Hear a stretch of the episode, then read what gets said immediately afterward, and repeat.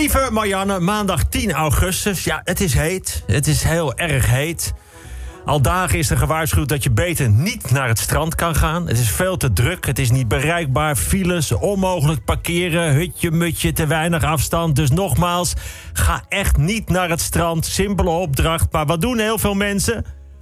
Toch naar het strand, want zo werkt de menselijke geest. Je doet het toch als je weet dat als, je, als het vriest... dat je niet aan de brugleuning moet likken. Wat doe je? Je gaat er toch aan likken. Als je weet dat alles mag behalve vreemd gaan met een leuke collega. Wat doe je? Toch aan likken. Ja, zo werkt de menselijke geest. Er hangen rode vlag aan het strand. Betekent niet verder dan kniediep de zee in. Zeer gevaarlijk. En dan toch vier doden. En ja, dat had mij ook kunnen gebeuren. Ik ga ook altijd even testen hoe sterk de stroming is. Maar ik beloof nu niet meer, nooit meer. Want de zee is een geweldige vriendin. Ze is zeer verleidelijk, maar je wint het nooit. Max Verstappen heeft de Grand Prix van Engeland gewonnen op een hele slimme manier. Gewoon door langer en zuiniger door te rijden op zijn banden. Betere banden, vind ik dus grappig. Je wint dus uiteindelijk omdat je beter met je banden omgaat. Heb je een Mercedes van een miljoen? Heb je bij QuickFit gekozen voor de goedkoopste banden? Sta je vlak na met de vellen op je wieldop? Ben je Roger Federer, kom je de finale Wimbledon het veld op met een badminton racket?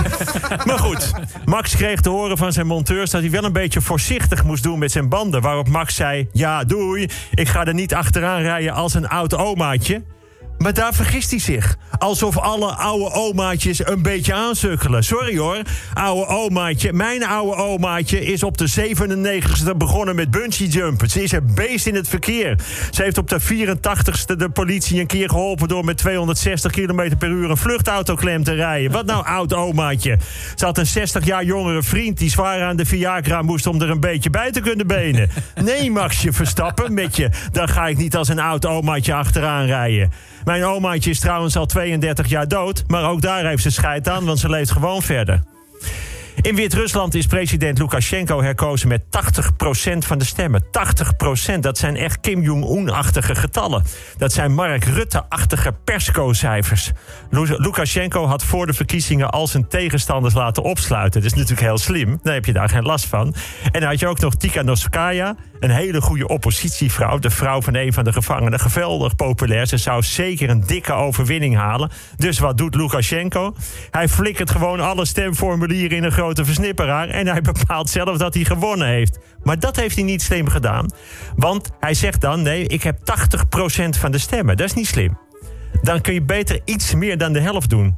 Als je vroeger van tevoren al alle uitslagen van een tentamen had, dan moest je ook expres een paar fouten maken, want anders viel het te veel op. Maar ja, een dictator kun je nu eenmaal nooit op subtiliteit betrappen. Dinsdag 11 augustus, het wordt nog warmer. De weerberichten spreken van snoeiheet, loeiheet, van tyfus heet. Dan dat laatste niet, maar dat is wel zo. Volgens het KNMI wordt het zelfs de heetste week ooit. En dat gaan we voortaan vaak meemaken. Nou, om mensen duidelijk te maken dat het echt heel ernstig is... stellen ze bij het KNMI voor om hittegolven voortaan een naam te geven. Net als bij stormen, want dan vergeet je ze nooit meer. Die onthoud je altijd als ze een naam hebben. Weet iemand nog hoe de grote storm van februari dit jaar heette? Vergeet je niet, hè? Enorme storm. Had ook een naam? Hoe heette die ook alweer? Uh, nee, weet niemand, hè? Die heette Clara. Het is dus niet zo zeker dat je iets beter onthoudt als het een naam heeft. Ik bedoel, ik had ooit een one-night stand met iemand waarvan ik de naam echt niet ken. En toch, ik vergeet het nooit meer. Ik in mijn bed met een pak zonder broekje. Nou, ik ook niet uit hoe ik erbij liep. Hittegolven krijgen voortaan een naam. En wat is een goede naam voor een hittegolf? Een naam die je niet vergeet. Uh, Henk? Henk de hittegolf? Of Klaas? Klaas, de hittebaas. Ik zeg Peter, want met Peter wordt het altijd heter. Nou, hoe dan ook. Suggesties zijn altijd welkom. Op een strandje in Amsterdam is een man van 24 doodgeschoten. Hij heet Bas. Hij heeft een naam, hè? dan vergeet je het niet. Hij had iets gezegd van toen een man het horloge van een vriend wilde stelen... en vervolgens werd Bas doodgeschoten. De dader, een lichtgetinte man met krullend haar en een hoedje... liep erna heel rustig weg in zijn zwembroek. Bizar. Je schiet iemand dood en je wandelt verder in je zwembroek over een druk veld alsof het normaal is. Dit noemen ze dus doodnormaal. Maar dat is het niet. Het is wel dood, maar het is niet normaal. De dader loopt weg met zijn vrienden naast zich. Die vinden het ook doodnormaal.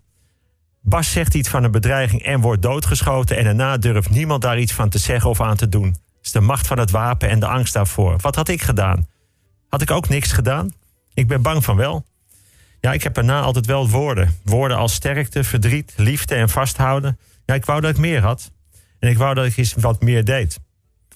Woensdag 12 augustus in het voetbal is niet alleen de afronding van de Europa League en de Champions League begonnen, maar ook de transferperiode draait weer op volle toeren. En wat mij altijd verbaast, spelers tekenen een contract voor bijvoorbeeld drie jaar. Maar dat zegt dan niks.